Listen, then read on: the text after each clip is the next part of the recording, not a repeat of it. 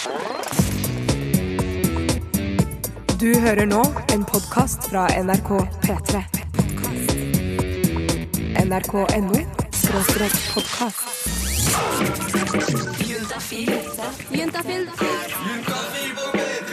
Med programleder Tuva Fellmann. Du står inne på soverommet sammen med en jente. Og det er akkurat som at det lukter sex. Det ligger på en måte sex i lufta, for så sikkert er det at det blir noe på deg.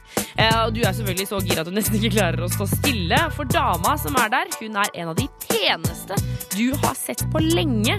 Og dere har selvfølgelig hatt en lang samtale om både politikk og bøker og alt det som er, og du tenker at ja, vet du hva? Det kan faktisk hende at det her er kvinnen i mitt liv.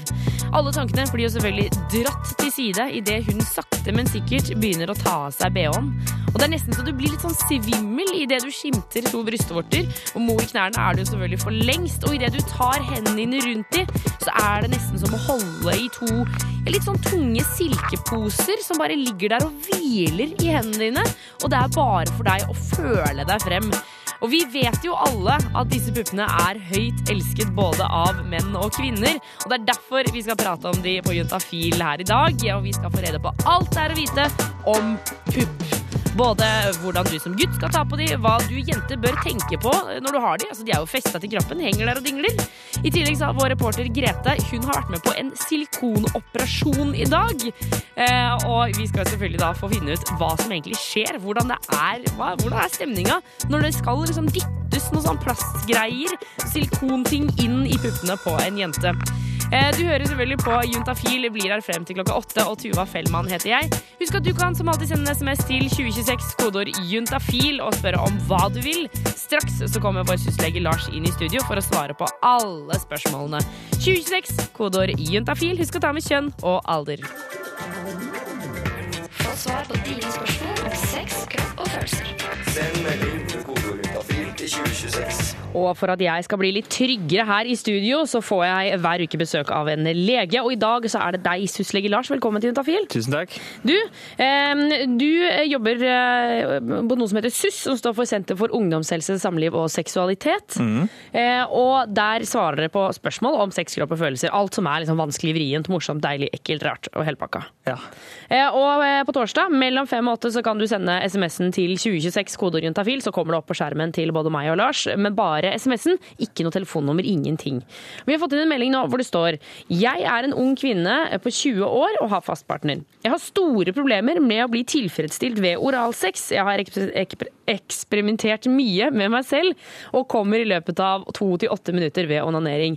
Jeg syns det kan være vanskelig å snakke med partneren min om hva min partner skal gjøre, fordi jeg ikke selv vet hva som er digg fra partneren. Ellers så snakker vi om sex og prøver ut nye ting. Ja, det er eh, Altså hun sier jo at de, at de kan snakke bra sammen, og det er veldig viktig at man, at man kan gjøre. Mm, Klapp på Eh, skulderen for det. Ja, så det er veldig bra. Men så sier hun at hun ikke vet eh, Eller at hun ikke syns det er noe deilig med oralsex, men at hun syns onanering at det er veldig deilig. Og, eh, og da tenker jeg at det er jo ikke sånn at, eh, at eh, alt som står i, eh, i lærebøkene om sex, at det passer like bra for alle. Så kanskje for henne så er ikke oralsex det helt store, men eh, det er andre ting som hun syns er deilig, da. Og det er jo ikke sånn at man absolutt må gjøre At man absolutt må på en måte også gjøre oralsex, da. Ja, for det, det er lov å på en måte sluntre unna det og bare si jeg syns det er mye bedre om du fingrer meg, så kan vi jo bare fortsette med det. Ja, ja absolutt. Ehm, og, ehm, og, og hun sier jo at de kan snakke sammen og, og sånn, så, så å være, bare fortelle det, at det hvis det ikke funker eh, så bra for henne, så er det ikke noe vits å gjøre så veldig mye av det, da. Men kan jo, hun kan jo også gi han en sjanse, da, og, og prøve å på en måte Det går jo an at han eh, f.eks. gir henne oralsex, og at hun på en eller annen måte klarer å onanere samtidig, eller at de liksom prøver å kombinere noe her. Eh, For jeg tenker at det er jo, hvis, hvis han er ivrig på at han skal på en måte få gi en oralsex, så er det jo de går i han litt mestringsfølelse på at han etter hvert klarer Ja. det også. Så klart. Og, eh, men en annen ting også er jo hvis hun vil forsøke Hvis hun vil forsøke at han skal, eh, skal eh, gjøre oralsex på henne, så er det lurt også å forklare han litt hvordan det er deilig for henne. Ja. F.eks. Det med mm, at når hun onanerer seg- sjøl, så stimulerer hun sannsynligvis klitoris, da, denne tappen som er helt fremst i jentetissen. Den må de fleste jenter eh, kose med for å klare å få eh, orgasme. Og det må han også da gjøre når han skal gjøre oralsex på henne. Det, det er jo det han må på en måte gjøre med tunga. Mm. Det er jo det tunga, tenker jeg, at det er jo det som er oralsex på jenter. At de liksom er nedi og stimulerer klitoris. Det er ikke noe vits å putte tunga inn i skjeden, Nei. liksom. Nei, ikke sant. Så, sånn at å forklare han litt hva som er deilig, og, og bli litt sånn kjent sammen, da. Det kan jo være et tips. Men hvis ikke oralsex funker eh, for de, så, eller for henne, så er det jo ikke noe vits å, å absolutt skulle gjøre det også, hvis alt det andre fungerer bra. Ja, ja, og Med mindre han vil, da. Fordi det er jo på en måte litt gi og ta her. Noen ganger så, så må man liksom Ja, da får du være ikke så flink en liten stund, og så blir det sikkert bedre etter hvert. Ja. Eh, nummer inn hit er 2026. Koder er juntafil. Eh, Still litt spørsmål om sex, kropp og følelser. Eh, husk å ta med kjønn og alder på SMS-en din. Send SMS med kodeord juntafil til 2026. Og de SMS-ene er det vår syslege Lars som skal svare på. Eh, klar som et egg, er du ikke det, Lars? Jo, som alltid. Alltid klar, vet du. På alle måter, skulle jeg til å si nå, men det hadde vært litt frekt. Så jeg sa det ikke. Um, jeg ikke sa det deg. ja, det var flaks. Det er jo tross alt riksdekkende radio her. Um, vi skal eh, lese opp denne SMS-en som eh, nettopp tikket inn, hvor det står Hei, jeg er en gutt på 20 som er i et forhold med en jente. Jeg er helt heterofil, men har fantasier om å gjøre det med en annen gutt. Er dette feil og rart? Hilsen litt flau gutt. Det er veldig vanlig. Altså, fantasier er noe som er eh, personlig, og som eh, man kan ha helt for seg sjøl. Og det er ikke noe som har noe med dem å gjøre, og man kan fantasere om hva man vil. Og det er veldig vanlig å ha eh, fantasier både av, om motsatt kjønn og av samme kjønn. Og Av flere kjønn og Ja. Og det som er. Ja, ja, Intet kjønn også. Ja, men fordi vi, dette snakket vi om forrige uke på Juntafil. Mm. Eh, og da kom vi jo frem til at folk eh, Altså, det er veldig mye rare fantasier der ute. Mm. Eh, men det vil på en måte ikke si at man nødvendigvis er rar. Eller sånn som i dette, for, dette eksempelet, hvor han lurer på om han på en måte kanskje er homofil eller har liksom noe de følelsene der, så vil det ikke nødvendigvis si det at han er det bare fordi han har fantasier om å ligge med en annen gutt. Nei, det, han her sier jo, han sier jo at han er helt heterofil, så han er jo tydeligvis helt sikker på det. Det er mange som lurer på om de er homofil eller heterofil eller bifil eller hva de, hva de skal være for noe. Og, eh, og ofte så Altså, det er ikke noe vits å drive og lure så veldig på det, for det, er- det er jo Hvorfor skal man bli, nødvendigvis bli putta i en boks, liksom? Som homo eller hetero eller bifil eller, eller noe sånt. Det er, altså sånn det er veldig mange som vil ha en, et navn på det, men eh, det er, ofte så er det bedre å bare la fantasiene være fantasier, og så og kose seg med de, og så ikke tenke noe mer over det. Ja, og så tenker jeg at dette her er en såpass uh, i gåsehøyne uskyldig fantasi. uh, så da er det er jo bare å fantasere videre, og så trenger du ikke å si det til noen. Du kan Nei. jo bare holde det for deg sjøl, og så si er det fint. Du kan si det anonymt til juntafil, og så Og så graver vi det opp. Ja, men ikke sant? Det er, det er noe som, uh, som han kan holde helt for seg sjøl. Dette er ikke noe som han eh, trenger å som, som andre har noe med, eller som han trenger å gjøre noe med, eller som han treng, trenger å bekymre seg over om man er rar for, eller, eller noe sånt. Det er bare fantasi, ikke sant. Og mest sannsynlig så er det mange der ute som har akkurat samme fantasi, så vi kan konkludere med at nei, du er eh, ikke rar og har, tar ikke feil, eh, gutt 20. Riktig. Riktig. Eh, Nummer inn er 2026, koder er juntafil. Eh, Sleng på kjønn og alder når du stiller ditt spørsmål om sex, kropp og følelser. Røyksopp og Susanne Sundfør med 'Running to the Sea' idet klokka nærmer seg halv seks. Og det vil jo si at det er på tide at vår reporter Grete skal få lov til å komme inn i studio. For eh, Grete har altså gjort noe i dag som jeg alltid hadde lyst til å gjøre. Nemlig å være med på en silikonoperasjon. Ikke ta silikonen sjæl, men se hva som egentlig foregår når man skal dytte noen sånne plastklumper inn i puppa. Hva, altså, hvordan ser det ut? Hva skjer? Altså, jeg har så mye spørsmål. Eh, Og reporter Grete hun skal eh, rett og slett gi oss svarene på alle disse spørsmålene. Vi snakker jo om pupper i dag. Beste delen på jentekroppen ifølge mange. Eh, Men så er det jo mange som heier på rumpa også, da. Herregud. Og magen sikkert også, og ansiktet. Ja, det er jo Ja, men de er i hvert fall bra. Det er sikkert og visst. Eh, Men før Grete slipper til, så får du litt Håkan Hellstrøm her eh, i Juntafil på NRK P3. P3. Håkan Hellstrøm med låta 'Det kommer aldri være over for meg' her på eh, NRK P3. Programmet du hører på er selvfølgelig Juntafil. Eh, Og jeg, Tuva Fellmann, er ikke alene i studio lenger. Jeg har fått besøk av Grete Husebø, vår reporter. Nå høres det ut som jeg sa Husepø. Husepø. Husepø. Husebø. Eh, Ja. Det er det du heter. Ja. Ute på Facebook-sida vår, Grete, så ligger det et bilde av deg. Eh, med en lege. Med en lege. Jeg, eh, jeg må innrømme at jeg ble litt bekymra da jeg fikk eh, SMS i dag morges hvor det tikka inn bilde med deg og en lege, hvor det sa 'dette gjør jeg i dag'. Eh, og da tenkte jeg eh, nå er det over og ut med Grete. Nå har det skjedd noe. Nå, nå skal hun dø, tenkte jeg. Men, jeg lå jo ikke på operasjonsbordet. Nei. Jeg sto jo ved siden av og så på. Ja, du gjorde det, men allikevel, så, så Man vet jo aldri. Eh, jeg trodde ikke du skulle dø heller, altså. Men hva er det du har gjort i dag? Jeg har vært med på en silikonpuppoperasjon. Jeg har alltid hatt lyst til det! Hvorfor jobber jeg ikke som reporter? Ja, vi kan kanskje bytte en gang, men nå er jo den saken gjort allerede. så vi må finne på noe. Ja. Men eh, det jeg gjorde da, var at jeg dro ned på en plass som heter Klinikk Stokkan her i Trondheim. Og der fikk jeg lov å bli med eh, da ei ung jente skulle legge inn silikon. Men inne i operasjonsstua, så jeg fikk jo lov å se på alt som skjedde, men jeg måtte absolutt ikke ta på noe. Så før vi gikk inn, så fikk jeg lov å kjenne på noen sånne silikonklumper som man putter inn i puppene. Det her er en eh, prøveprotese av Sweet. silikon. Den er fylt med silikon, og du kjenner det ganske mykt. Det er det som er fordelen med silikon, at den kjennes mer ut som eh, eget vev. Jeg har blitt med kirurg Anne Elisabeth Isern inn på kontoret hennes, og fra en skuff i det store treskrivebordet har hun funnet fram en prøveprotese som jeg skal få se på. Den er nokså myk og kjennes egentlig ganske ut som en pupp, bortsett fra at den er litt nuppete og ru på utsida. Ja, De tidligere protesene var Jeg har ikke det her nå, men de tidligere protesene var helt glatte. Og da ble det mye hardere rundt, da, så du sto nesten som en liten ball. Men rundt den så legger det seg litt mer på kryss og tvers når den ikke er helt glatt. da. Hallo? Ok. Det er greit. Fint tegn. Da begynner det å bli klart, for da blir vi kalt inn på operasjonsstua. Og etter at vi har vaska oss, fått på sånne grønne sykehusklær, lue og munnbind, så er vi klare for operasjonsstua. Der holder to sykepleiere på å legge noe blått lakenlignende stoff over ei ung jente som ligger i narkose.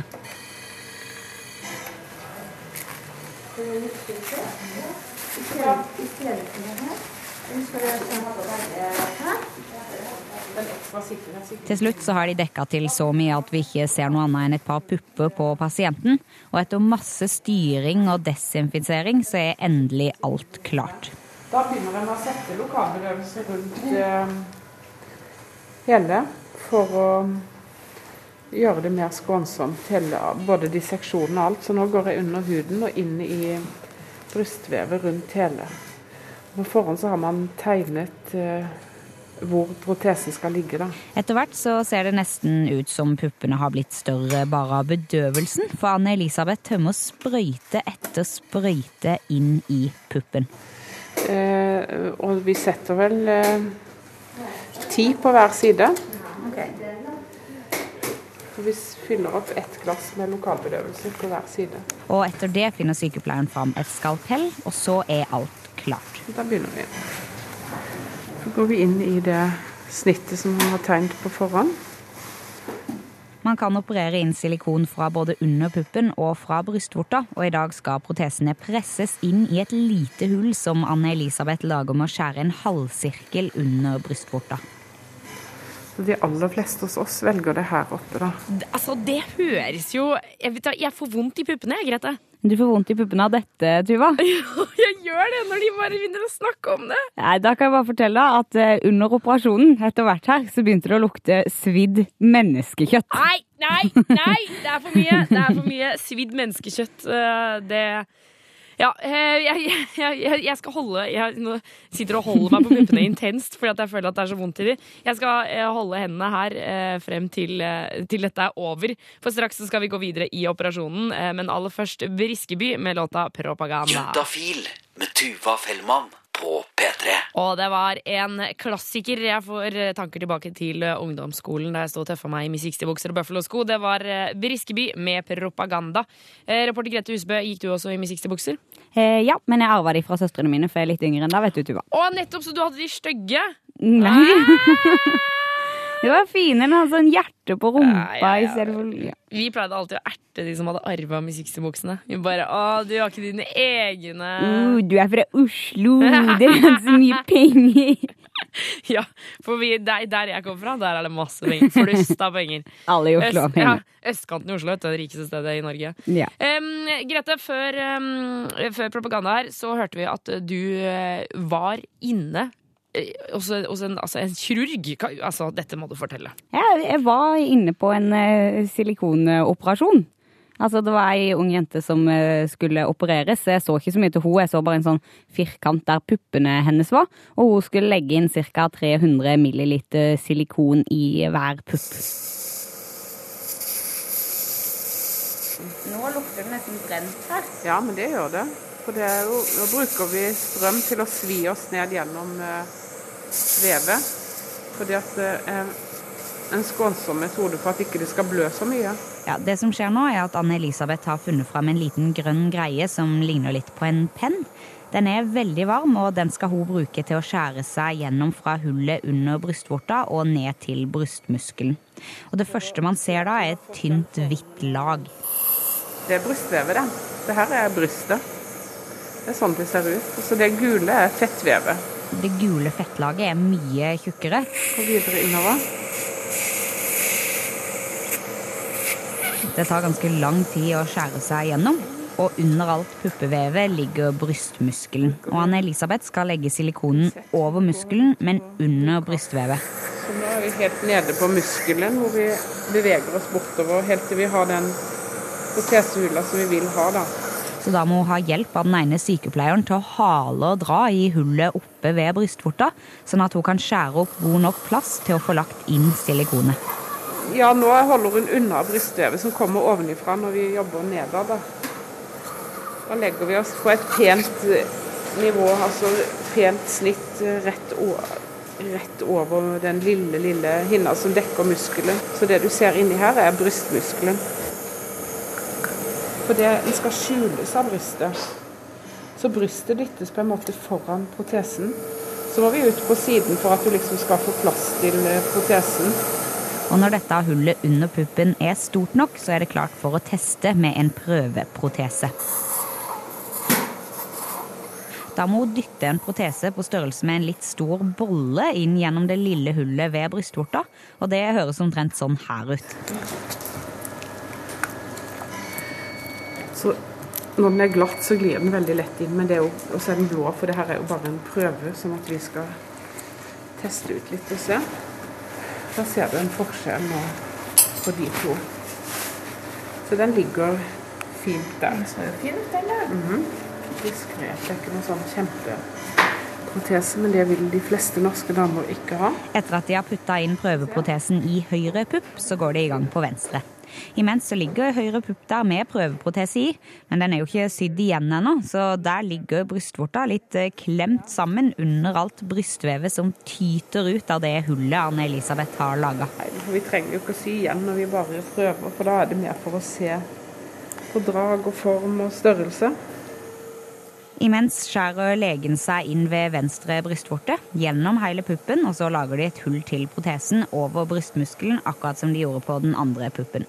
Så skal Anne-Elisabeth se åssen det har gått med prøveprotesen i høyre pupp. Fra utsida så ser det veldig fint ut, Rita, da har vi bestemt oss for medium profil 325. men prøveprotesen må jo ut for å se om det har blitt noen blødninger på innsida. Og når legen napper den ut, så høres det sånn her ut. Sånn, her ser du vi skal vi bare inn og se på Anne-Elisabeth tetter igjennom blodåret, men det meste ser greit ut, og da kan endelig den skikkelige silikonprotesa settes inn. Har vi liksom nye hansker, sterilt her, antibiotika der, og så er det en steril protese man setter inn. Vi ser det er sånn. Man at den ligger fint på plass. Der.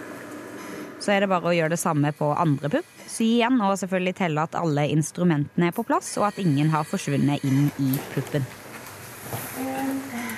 Så teller operasjonssykepleieren alle instrumenter og alt, sånn at ikke det skal ligge igjen noe. Det er sånn strenge prosedyrer på det. Alt skal telles, og det skal registreres. Og Så du har alt klart? Jeg kjenner at jeg setter pris på den tellinga, eh, sånn at det ikke blir liksom en lita saks værende igjen i noens pupper. Ja, du vil jo helst ikke ha altså de der nålene som de syr igjen stinga med. De er ganske små, men skarpe, altså. Ja, Tenk deg å ha en sånn inni puppen, da! Ja, det, jeg har sett det på film, men jeg håper det aldri skjer i virkeligheten. det håper ikke jeg heller. Eh, Grete Husbø, tusen takk for at du, eh, du stakk rett og slett ned til kirurgen i dag. Ja. Takk for meg. Få svar på dine spørsmål Send melding til kodeord juntafil til 2026. Og syslege Lars er tilbake i studio, og vi har fått inn en lang SMS, Lars. Jeg tenker jeg bare hiver meg på den, jeg. Ja, gjør det. Her står det en mann på 20 år som er forelska, men veldig sta. For en ukes tid tilbake så hadde jeg sex med kjæresten min. Og så tok jeg henne i doggystyle. Rett før jeg kom, dro jeg den ut og kom i hånda mi. Så prikka jeg henne på skulderen så hun snudde seg, og så kasta jeg det jeg hadde i hånda i ansiktet hennes og ropte Spiderman. Dette ble en stor krangel, endte med at hun slo opp. Selv om det var hun som foreslo rollespill, syns du det er riktig av meg å stå på mitt, eller burde jeg legge meg flat og unnskylde meg? Altså, eh, Sorry. Ja. ja, det er jo litt, det er litt uh, uva... Altså, det er ikke en klassiker på SUS, dette her. Eh, Nei, men, Nei. men det er jo de der Jeg vet om så mange gutter som holder på med Ja. de der sånn spesse greiene de skal gjøre med spermen sin. Jeg skjønner ikke hvorfor de gjør det! Nei, det er mange gutter som syns det er morsomt. Men før man har et rollespill sånn som de har hatt her, da, så kan det være greit å på en måte bli enige om kanskje hva det rollespillet skal handle om. Ja, fordi altså, jeg, Det kan jo hende, men jeg kan ikke se for meg at de har hatt Spiderman-rollespill. Så han kan ikke bare endre rollene fordi at han kommer. Nei, ikke sant? Og, eh, nei, for det er viktig å være en, altså Når man har eh, sex, da, og kanskje spesielt når man har rollespill, så er det viktig å være enige om rammene rundt det. Og ha respekt for hverandre og, og eh, hverandres kropper og hverandres følelser. Ja, for hun, sant? Det er noe med det at når man, når man har sex, så er det på en måte Enten man har vært sammen lenge eller ikke lenge, så er det en følsom situasjon. Det er noe at man gir av seg selv, man er helt naken, og det er, liksom, det er mye rart som skjer. Um, Så jeg synes akkurat dette synes jeg var litt eh, respektløst av han, da. Ja, og så er det noe med at det kan hende at det er morsomt for han som kaster, og som liksom har det i hånda, men for hun som ikke vet noe og får det i ansiktet, det er jo ikke så veldig deilig. Nei. Så, eh, så, og, så jeg skjønner godt at hun ble sur for det, og at eh, det ble en krangel. Det skjønner jeg jo veldig godt. Ja. Eh, Og nå som han spør da om, om vi vil råde han til å stå på sitt, så vil jeg vil jo si det at hvis han har Eller, eller om han skal legge seg flat, da vil jeg jo si det at har han fortsatt mulighet til å legge seg flat eh, og kunne få henne tilbake ved å gjøre det, så vil jeg jo egentlig absolutt råde han til å gjøre det. Altså, Jeg ville lagt meg så flat. Jeg ville gravd meg ned. Eh, kjøp blomster og be om unnskyldning og gjør alt du kan. For jeg mener sånn det Altså, Stolthet eller kjæreste, da noen ganger så må man velge bort stoltheten. Og i akkurat dette tilfellet så mener jeg at denne fyren har jo ikke rett heller. Nei. Det er jeg helt enig i. Eh, Hun har all grunn til å, bli, til å bli irritert for det. Og når han da heller ikke eh, la seg flat tidligere eller ba om unnskyldning, så, så skjønner jeg jo hennes reaksjon. Gjør jo det. Ikke sant? Fordi, og det tenker jeg også at eh, I sånne situasjoner, hvis, hvis noe skjer, da, at man, man på en måte utforsker, og så går det for langt for den ene, så tror jeg ofte det lønner seg å bare si ok, selv om du selv mener at du har rett, så kanskje liksom, ok, be, be, beklager jeg. Det var på en måte ikke meningen. Så lenge noen blir såra eller lei seg eller føler seg liksom brukt på en eller annen måte, så bare legg deg flat, selv om du selv mener at du har rett. Ja, Nå vet jo ikke jeg helt hva de hadde blitt enige om på forhånd, men eh, jeg syns jo det er vanskelig å tenke seg at han har veldig rett i den situasjonen her uansett. da. Ja, jeg er enig i det, altså. Eh, Vi skal svare på flere SMS-er litt seinere i sendinga. Du blir her til åtte du, eh, Lars. Det gjør Ja, det? gjør det. Nei ja, får ikke gå, vet du.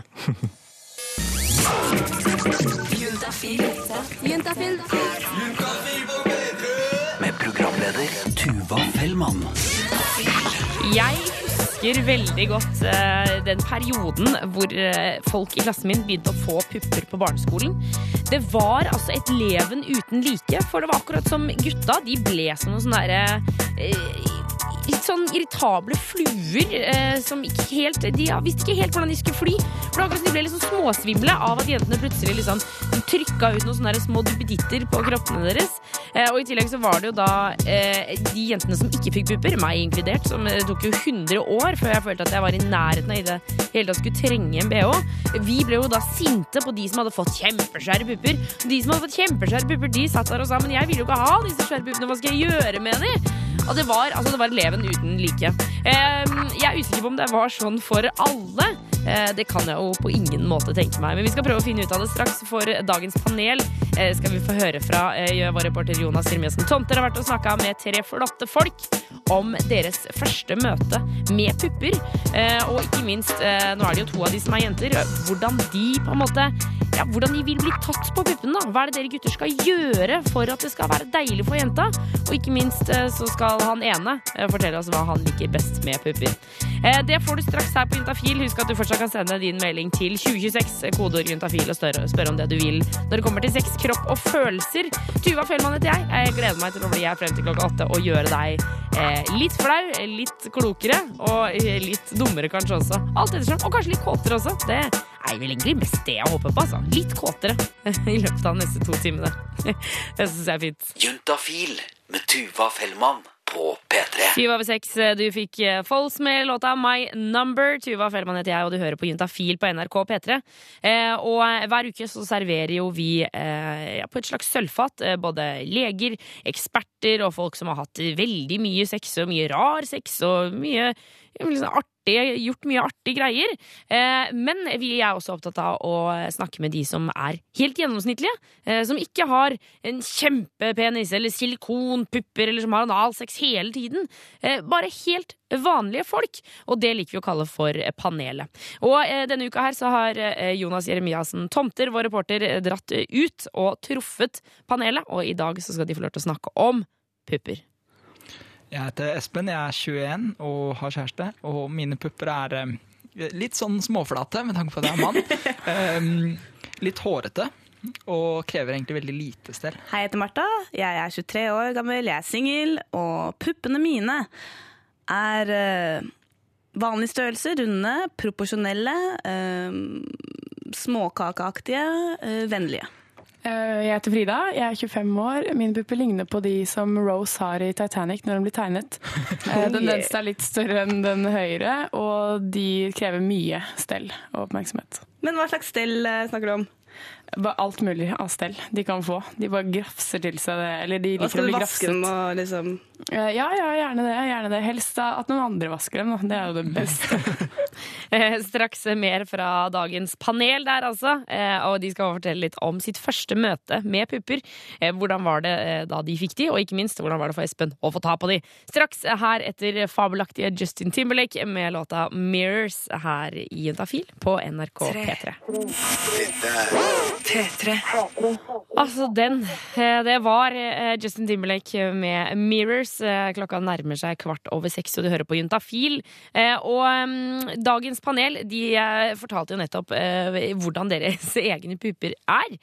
Men vi lurer også på hvordan var det Hvordan var det første møtet? Når, altså, var det de fikk pupper? Jeg fikk pupper da jeg var sånn rundt ti år, tror jeg. Da, da tenkte jeg ikke så mye på det, annet enn at jeg løp rundt i sånn kappe typisk og lekte rundt i skogen og sånn, og så var det i trusa, selvfølgelig. Eh, og syntes at det var litt sånn upraktisk at de Jeg merk- merket at det var noe det var noen greier som stoppet meg, og, eller det var distraherende da når jeg løp rundt her.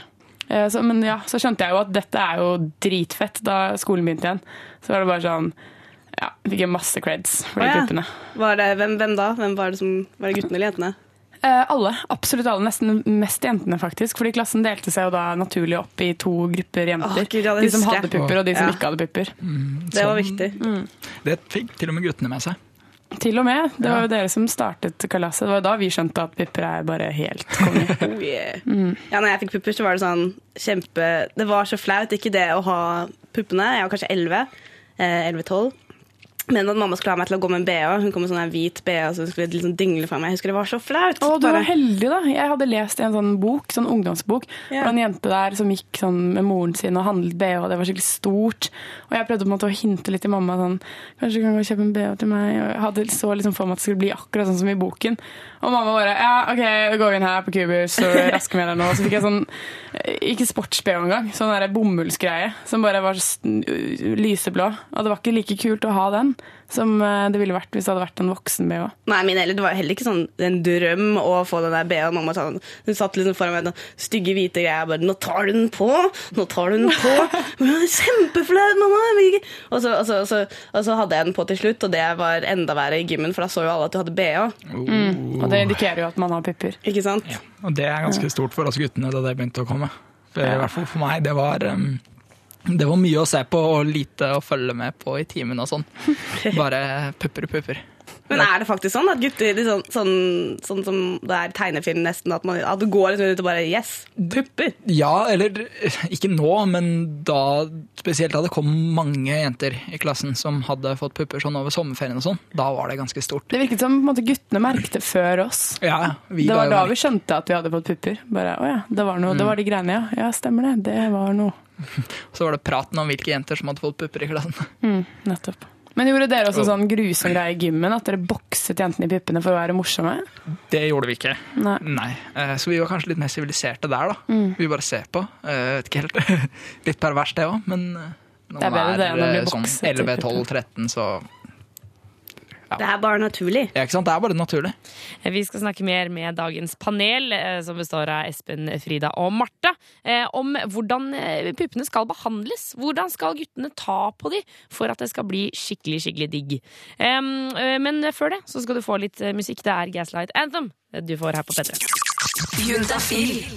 Handwritten av eh, The Gaslight Anthem. eh, Ti på halv syv her på P3.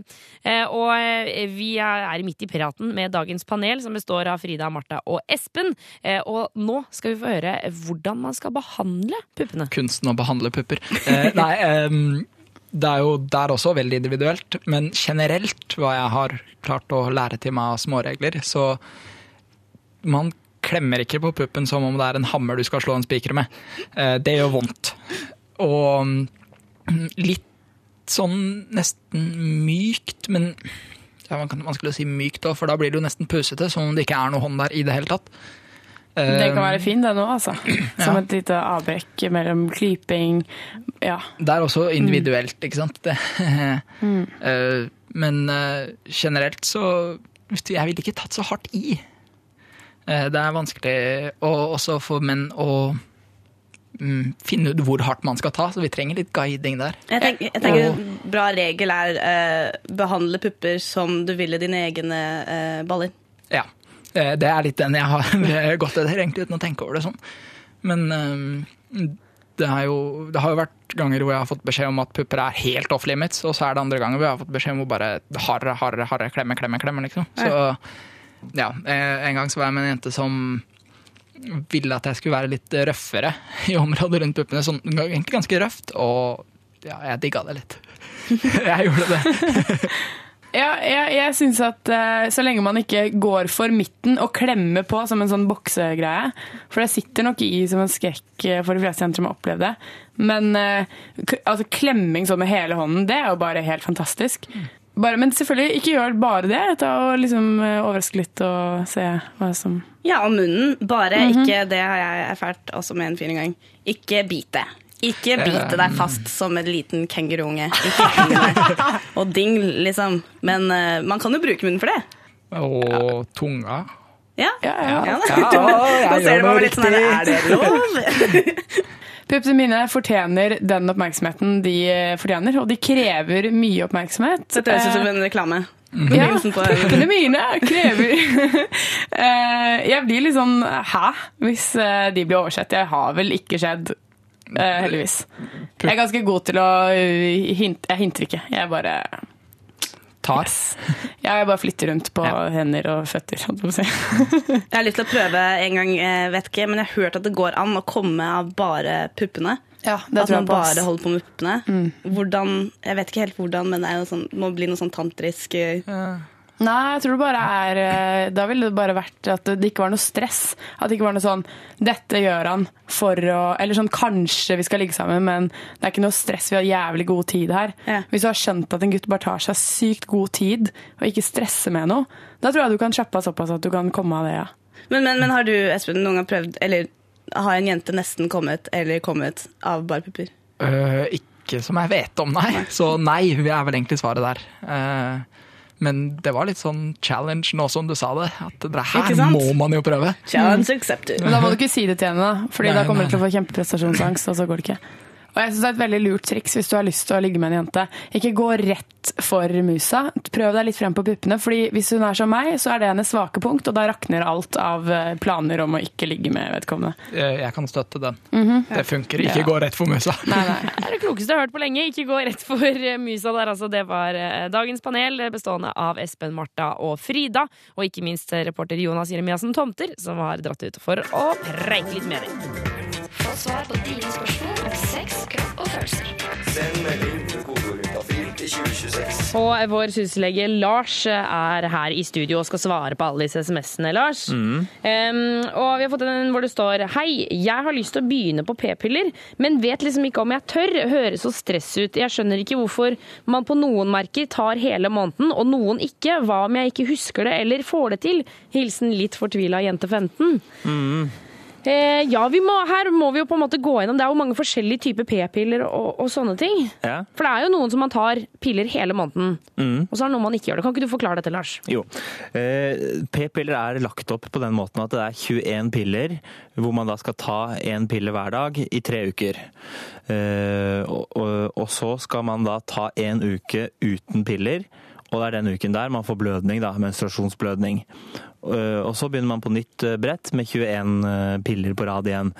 Men så er det noen p-pillemerker som for at det skal bli lettere å, å, å huske alle pillene og ikke gjøre feil og sånn, så har de lagd syv piller som du tar den uka der du, der du har mensen, da, men som ikke inneholder eh, noe aktivt virkestoff. da. Det er bare de eh, såkalte sukkerpillene. Ja. Men når de har de hele måneden, så, så i prinsippet vil jeg si at det gjør ikke noe om man glemmer de sukkerpillene, for de har egentlig ikke noe å si. Det er bare for vanens skyld, liksom. Ja, Det er bare for vanens skyld, så det har ingenting å si om man glemmer dem. Okay. Og på brettene så er det ofte at det står eh, et sånt kjennemerke, sånn at du skal huske hvilken dag det er. Og på noen står det til og med ukedagene. At det står mandag, tirsdag, så torsdag, fredag. Og da eh, kan du jo se sånn Hvis du kommer på sånn tok jeg p-pille i dag eller ikke, så kan du gå og se på brettet, og så står det f.eks. Så ser du at torsdagspillen f.eks. er tatt, da. Ja. Da vet du at du har tatt dagens pille. Ikke sant? Ja. Jeg tenker at eh, For eh, jente 15 her, så er det eh, Hvis det er sånn at hun har regel, med regelmessig sex, så er det, en, er det ikke en lur ting å begynne på p-piller da? Jo, absolutt. Og det er også, du, du trenger ikke egentlig ha sex for, å, for at det skal være lurt å begynne på p-piller. Det kan også være andre ting som plagsom menstruasjon og mye blødninger eller ofte blødninger og, og smerter under menstruasjon og, og sånne ting som gjør at det kan være greit å starte på p-piller. Ikke sant? Fordi p-pillene er akkurat som de ordner opp litt, men det må man jo selvfølgelig gå til legen for å få. Um, eh, og så eh, bare et, et tips til, for det virker som at hun er veldig stressa for at hun ikke skal greie det. Um, jeg for eksempel har p-pillene mine i sminkepungen min, så hver morgen jeg står på og sminker meg, så kommer jeg på å jeg må ta p-pillene mine. For da ligger de der. Hvis man legger det et sted hvor, hvor du er innom hver eneste dag da, og gjør en spesiell ting, f.eks. pusse tenna. Mm. Det er veldig lurt å ha et fast tidspunkt også på dagen hvor du tar de, så Ja. at du kommer inn i rutinen. Ikke sant. Um, så da anbefaler vi rett og slett uh, jente 15 om å oppsøke lege, og da dermed få p-piller. Ja, altså Nå har vi forklart litt hvordan det fungerer, så får hun tenke sjøl om hun har lyst til å starte på dette her. da, Og om det er noe hun uh, Altså Som du sier, har hun kjæreste og har regelmessig sex, så er jo, dette, så er jo p-piller noe vi ofte anbefaler. Ja. Um, Men hvis du er 15 år og bare har lyst til å ligge litt rundt, så anbefaler vi mer kondom, da. Altså Hun kan jo bruke p-piller i tillegg, men da må hun også bruke kondom for Ja. å slippe å få, få seksuelt overførbare sykdommer. Ikke sant? Mm. Kondom er alltid lurt når man ligger med noen man eh, ikke kjenner, eller eh, ikke ligger med regelmessig. Det er egentlig et must. Ja, det er faktisk et Ja. mest. Vi legger det. Vi, det, vi legger ned veto. Juntafil-veto. Eh, nummer inn er 2026. Kodeord er juntafil om du har lyst til å stille ditt eh, spørsmål. Send SMS med kodeord juntafil til 2026. Og det er vel egentlig sykehuslege Lars som svarer på eh, spørsmålene. Jeg svarer ikke så mye, Lars. Jeg syns du bidrar bra, Tuva. Ja, jeg, jeg, altså, Noen ganger så skryter jeg på om at jeg kan like mye som en allmennlege når det kommer til sex, kropp og følelser. Jeg vet ikke helt om det er sant, altså. Men eh, jeg føler at jeg kan litt, i hvert fall. Du kan mye om følelser og Ja, du kan jo mye om sex og kropp også. Ja, ja, ja, herregud. Så har jeg ligget med folk før også, da. Herregud. Litt veit jeg. Um, vi skal eh, få svart gutt 22 her, hvor det står Hei, jeg har en slags klump nederst på skaftet på penis. Eh, den er på en måte i skinnet på begynnelsen av pungen. Eh, den har vært der i kanskje fem år, eh, i hvert fall lenge. Den plager meg for så vidt ikke. Det er egentlig litt deilig å klemme på den. Det liksom, det er på en måte godt og vondt samtidig. Men en gang klemte jeg på den, og så begynte det å blø. Nå som den har vært der så lenge, så vil jeg finne ut om det kan være noe farlig. Hva kan dette være, og hvordan kan jeg få den bort? Altså, i, eh, Både i pungen og også i starten av skaftet på penis så har gutter mye sånne hårsekker og talgkjertler og sånn. Mm. Og, eh, og det er sannsynligvis det dette her er, da. En, eh, en, en slags kvise, en talgklump, i, i overgangen mellom, mellom skaftet og pungen, da. Det er som en på en måte sånn, lang, eh, sånn langsiktig underjordisk kvise, som bare Ja, blir liggende dypere, der. litt dypere enn de kvisene man får i, eh, i ansiktet. så Derfor blir de liggende ganske, ofte ganske lenge. da. Ja. Så man kan gå, gå med det veldig lenge. Så det vil si, at dette er ikke noe han skal, liksom, han skal ikke klemme det ut, på en måte? Nei, det, hvis, man, hvis man driver og klemmer på Sånn er det egentlig med kviser generelt. at Hvis man driver og tar mye på det og klemmer, og sånn, så blir det fort infeksjon. Og så blir det verre enn det var før. Ja. Ja, så Spesielt disse som ligger nokså dypt, så skal han jo eh, la det være ganske i fred. Så forsvinner han av seg sjøl, sannsynligvis. Um, han forklarer jo at den ligger i, eh, i, eh, i huden, og det er derfor jeg kan si, eh, si det nokså sikkert at det er en talgklump dette her er. Det er noe annet hvis, er, hvis han kjenner en klump inni pungen. Ja, for da, eh, da er man redd for at det er testikkelkreft, er det ikke det? Altså, da, da kan det være litt forskjellige typer eh, sykdommer, da. blant annet testikkelkreft, for det kan jo unge gutter uh, få. Det er en av de krefttypene som man kan få når man er ung. Så kjenner man en klump som ikke har vært der før inne i pungen, og, og inne kobla på testikkelen. da. Mm. Uh, ja, så da bør man gå til legen. Men uh, tilbake til gutt 22 her, for han sier at han har vært der i fem år, eller i Mm. hvert fall lenge. Mm. Altså, Hvis det er sånn at han er bekymra for det, kan han ta en tur til legen? Ja, han han kan absolutt gjøre det. Det er jo litt, Når jeg sitter her og ikke har fått undersøkt det sjøl, så det jo, blir det jo litt bare for, på bakgrunn av det han forteller. Så hvis dette er noe han bekymrer seg over, og, og kanskje ikke han er helt sikker på om den var i huden likevel, og, og litt sånt, Mm. så, så kan han gå til legen og få den undersøkt da, for å være helt sikker. Jeg tenker at det alltid er en god, god regel at hvis, dette, hvis det er noe som bekymrer deg ordentlig, så er det ikke noe i veien for å gå til legen. Mm. Ja, nei, for så vidt enig i det. du trakk litt på den, og du bare nå kommer hypokonderne på rekke og rad. man kan ikke gå til legen for alt. uh, vet du. Nei. Men dette er jo en ting man kan gjøre det for da, hvis han er bekymra for dette. Ikke Ja. sant. Mm. Eh, nummeret inn er 2026, koder er juntafil. Husk å ta med kjønn og alder på SMS-en din.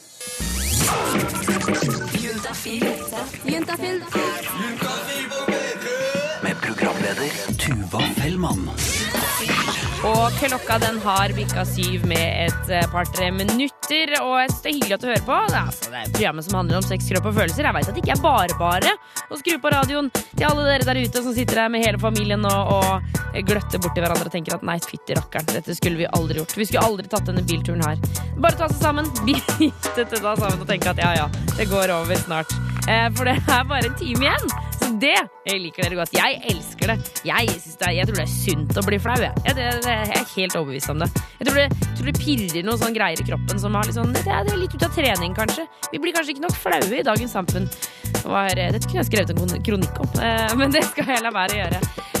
Straks skal vi svare på flere SMS-er som kommer inn til 2026, eh, kodeord juntafil. Du kan spørre om hva du vil, enten om det er eh, kukost, eller om det er eh, for små pupper eller for store pupper, eller om det er det at du, du sitter rett og slett med en forelskelse som du ikke skjønner liksom, hva skal jeg gjøre med dette her? Jeg, jeg, jeg, hvor skal jeg gå videre? Vi har jo alle sittet med de problema der, så det er bare å fire de løs. 2026 er fil. Husk å ta med kjønn og alder. Tuva Fellmann heter jeg. Blir her frem til klokka åtte, og det håper jeg du også gjør. Få svar på dine spørsmål om sex, kropp og følelser. Send melding til kodeorienta fil til 2026. Og SMS-ene tikker inn på datamaskinene til meg, Tuva Fellmann, og suslege Lars. Mhm. Em, vi kan gjerne slenge med etternavnet ditt også, hvis du vil det, Lars. Ja. ja, vil du det? Ja, da må du presentere deg selv. Da må du, for jeg har alltid sagt eh, syslege Lars, men nå kan vi presentere deg fullt og helt. Ja, Navnet mitt er Lars Sunde Strand. Lars Sunde Strand. Ja. Mannen kritisert for dialekta over vann og strand. Ja, det er mye meldinger på det. Ja, ja, men jeg syns du har fin dialekt. Det er en perfekt blanding av eh, Vestlandet og Sørlandet. Ikke sant? Det er akkurat sånn det skal være. Mm. Um, vi har fått en melding hvor det står Jeg og kjæresten har tenkt uh, å ha analsex. Kan vi bruke matolje? Ja. Det, altså som glidemiddel, da. Eh, Ja, i stedet for glidemiddel. Ja. Ja, sånn ja. Mm. Eh, når man har eh, analsex, så er det ofte veldig lurt å bruke kondom for å hindre tarmbakterier f.eks. i å komme, spre seg over til, til eh, penis, og også i forhold til seksuelt overførbare infeksjoner og sånn. Men selv om man er et par, så er det lurt å, å, bruke bruke kondom. Og skal man da bruke matolje, så vil det kunne bryte ned eh, lateksgummien i kondomen. Eh, Så så derfor vil jeg anbefale å bruke vannbasert glidemiddel. da. Nettopp. Som man får kjøpt på apotek eller eh, på ja, Kondomeri på- eller kondomeri eller hos helsestasjoner ligger det ofte frem og, og Ja. sånt. Ja. Men ja, og så må jeg bare legge til at Hvis det er sånn at de skal prøve analsex nå for første gang, som det tydeligvis virker som at de skal, så er det på en måte eh, Vi pleier å si at analsex er litt sånn eh, for viderekomne. Mm. Eh, og det, det er en litt sånn ekstra kant å gå ut på. Og derfor så tenker jeg i de situasjonene, da kan du pokkeren meg eh, koste på deg litt glidemiddel. Mm. Da tenker jeg at det, det meste skal være på stell når man skal ha analsex første gang. Helt enig i det. Det er jente, hun er 17 år, eh, hun som sendte inn eh, denne meldingen her. Ja. Og, eh, og helt riktig som du sier, så er analsex det, er, det regner vi som sex for viderekomne. Da, og ikke noe som er, det er ikke noe som er veldig vanlig å gjøre, eller som, som man kanskje kan få inntrykk av. At dette er noe som forventes at man skal gjøre. Alle, alle har ikke analsex i hytt og pinne, liksom. Absolutt ikke. Det er, det er noe man må liksom være veldig sikker på at man har lyst til å gjøre. Da. Men nå har jo de snakket om det, og det er jo ikke noe For så vidt, hvis begge har lyst til det, så ja, da må de ta, i hvert fall ta de forholdsreglene som vi har sagt. Og da bruker man vannbasert glidemiddel og, og ikke matolje, da. Ja, nettopp. Og Jeg ser det også for meg. for Det er veldig lite romantisk å liksom sitte der med liksom extra virgin olivenolje og liksom helle utover seg. Eh, Men eh, bare kjapt også, hvis de skal analsex for første gang, det er å bruke kondom, bruke ordentlig glidemiddel, og så ta seg god tid. God tid, ja. Eh, Og kanskje begynne med en finger, eller noe sånt, noe, sånn at man på en måte varmer litt opp, akkurat som man gjør i skjeden. Mm. Eh, Og ikke fortsett hvis det er vondt. Absolutt. Det er eh, kjempeviktig å stoppe hvis det gjør vondt. Det skal ikke gjøre vondt. Og, eh, og som du sier, begynn med en finger, utvid litt og litt. Eh, Ja, og så stopp ved enhver eh, form for smerte. Ja, Og så er det lov å trekke seg. Altså, det er lov å si at man har lyst til å ha analsex til kjæresten sin. Man, man kan si det hele tiden, og så kan man, når det først skal skje, kan man si vet du hva, jeg vil ikke allikevel. Jeg angrer meg. Mm. Og det er helt greit. Det er helt greit, også når det gjelder analsex. Det gjelder alt, egentlig. da, At man har lov å si nei når som helst. Ja, Selv i jobbsøking. Når du har fått jobben, så kan du si vet du hva, jeg vil ikke ha den likevel. Jeg beklager. Jeg ombestemte meg. Sånn er livet, gitt. Juntafil med Tuva Fellmann på P3. Kaizers Orkester med 'Knekker deg' til sist her i Juntafil på NRK P3. Straks eh, fem på halv åtte. Og eh, det er sånn at 80% av de som blir utsatt for brystkreft, de er over 50 år gamle. Eh, Det vil jo si at risikoen eh, for brystkreft regnes som svært liten når du er ung.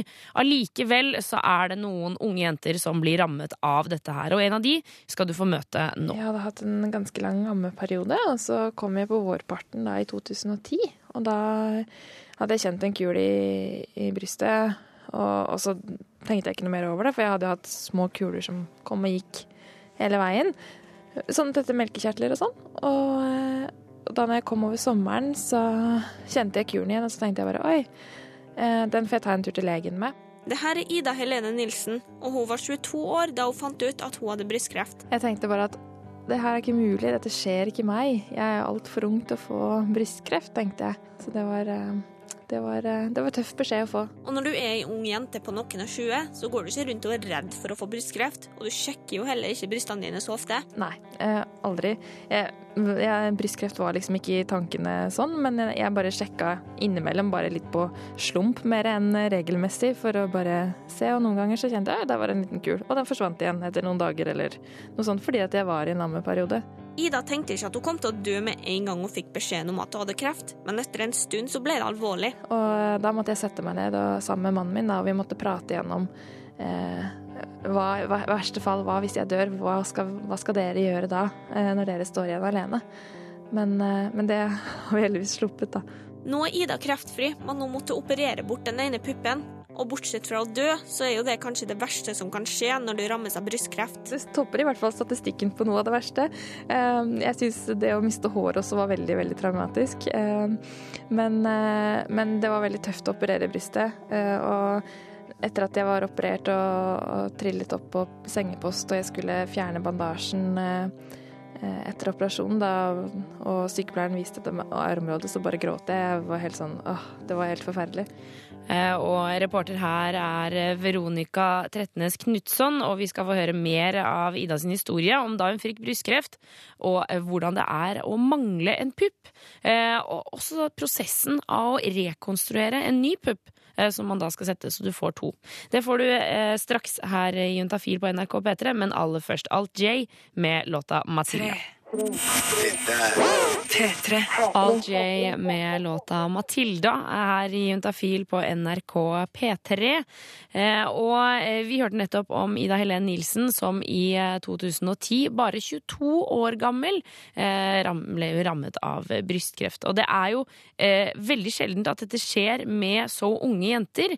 Eh, men Ida var altså en av de som måtte fjerne den ene puppen, og nå bruker en protesepupp. Den ser ut som en pupp, eh, og den er laget i, i silikon og ganske sånn eh, Ja, i forhold til vekt og sånn, så ganske lik eh, det eh, brystet som allerede er, da. Men du ser jo helt klart at det er, at det er en protese. Og den er jo hudfarga og sånn, da, men eh, ja, den er estetisk nok ganske grei. Når Ida har på seg genser, så ser du ikke at den ene puppen er en protese. Men hun har veldig lyst til å få rekonstruert den puppen hun hadde, og det skal hun få. Eh, forhåpentligvis ganske snart. Jeg står og venter nå på en operasjon nå om noen, noen uker um, inne i Oslo, så det, jeg gleder meg veldig. Da skal de bygge opp, da tar de fettvev fra, fra magen eh, og flytter opp til brystet og bygger opp et bryst der. Så det, det blir veldig bra. Den nye puppen blir ikke helt lik den gamle, men eh, nesten. Du kan se at det er at det er en eh, At den er rekonstruert pga. arr. Eh, Men de bygger opp igjen med, med både brystvorte og med, med tatovering for eh, området rundt der hvor brystvorta sitter, altså mørke farger rundt der. Så, men, så du kan jo fortsatt se at den er rekonstruert hvis man iakttar det veldig nøye, da. Livet til Ida er ikke det samme nå som før hun ble syk. Pga. cellegiftbehandlinga hun fikk, så blir hun fort sliten, og det er viktigere for henne nå å ja, fylle livet med mening. Jeg er blitt mye, mye mer opptatt av eh, nære ting, da. Og bruke tiden min litt mer fornuftig og ikke eh, ja, bruke tid på familien min og, og ting som er viktig for meg, da. Så, sånn sett så har det jo endra meg på, på noe vis. Og reporter her var Veronica Trettenes Knutson. Og vi må si takk til Ida Helene Nilsen som stilte opp på intervjuet. Uh, jeg kjenner jo at jeg blir sittende med en sånn klump i magen og en frykt for å få uh, brystkreft. Det høres jo helt forferdelig ut. Uh, men jeg kan jo bare informere om at jeg tidligere i dag ringte til en kreftlege for å sjekke hvor, hvor vanlig dette faktisk er. og han sa at det var ekstremt sjeldent. at det bare er et fåtall jenter som får det, får det i året her i Norge. så da får vi bare støtte oss på det, og heller gå til legen hvis man blir usikker. Vi skal rett og slett speede opp stemninga litt med litt tøff hiphop. Du får Macclemore med låta Thrift Shop her på P3. Få svar på dine spørsmål til 2026. Og vi skal svare på alt sammen som kommer inn til 2026, kodeord juntafil, for alle får svar, syslege Lars. Mm, enten nå på lufta, eller så får de svar på SMS i løpet av morgendagen. Ja, ikke sant? Det er det som er så deilig. Da blir jeg så eh, betrygget i min jobb. Eh, Da vet jeg at dette kommer til å gå bra. Ja. vi har fått inn en melding eh, fra jente17 hvor det står Hei, jeg og nestenkjæresten min eh, hadde sex for første gang i går. Kondomet sprakk. Hva skal vi gjøre? Hjelp, hjelp, hjelp. Det var urettferdig. Det er, Ja. også, må bare, og Dere er så flinke dere er som bruker kondom. Så, altså, så flinke dere er. Jeg syns det er viktig å, å applaudere sånne ting. Ja, de skal få skryt for det. Det er, eh, det er så, så, så bra at de bruker kondom, så det er kjempeviktig. Og det er jo veldig urettferdig at den skulle sprekke, da. Ja. Men det kan skje hvis man eh, ja, ikke klemmer ut luft av tuppen, f.eks. Så kan det skje. Men da er det litt ting som de må tenke på nå, som de hadde sluppet hvis den ikke hadde sprukket. da. Ja, Så, og, men hva, Hvilke ting må de tenke på nå? Det de må tenke på, er det, sjansen for at hun kan ha blitt gravid. Og det som gjelder å gjøre da, er å ta, en, eh, ta nødprevensjon, angrepille, så fort som mulig.